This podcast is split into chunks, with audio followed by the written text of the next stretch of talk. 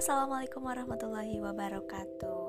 Di tengah wabah pandemi ini, kita harus pintar-pintar jaga kondisi tubuh dengan menjaga jarak, menggunakan masker, dan selalu menggunakan sanitizer. Ngomong-ngomong tentang pandemi nih, sejak tahun lalu kita mengalami banyak perubahan. Salah satunya kegiatan belajar mengajar menjadi di rumah saja. Sedih banget kan? Tapi meskipun begitu, kalian harus tetap semangat menjalani hari-hari kalian dan tetap mensyukuri apa yang telah Allah berikan kepada kita. Selamat datang di podcast aku, Email Mailani. Selamat mendengarkan.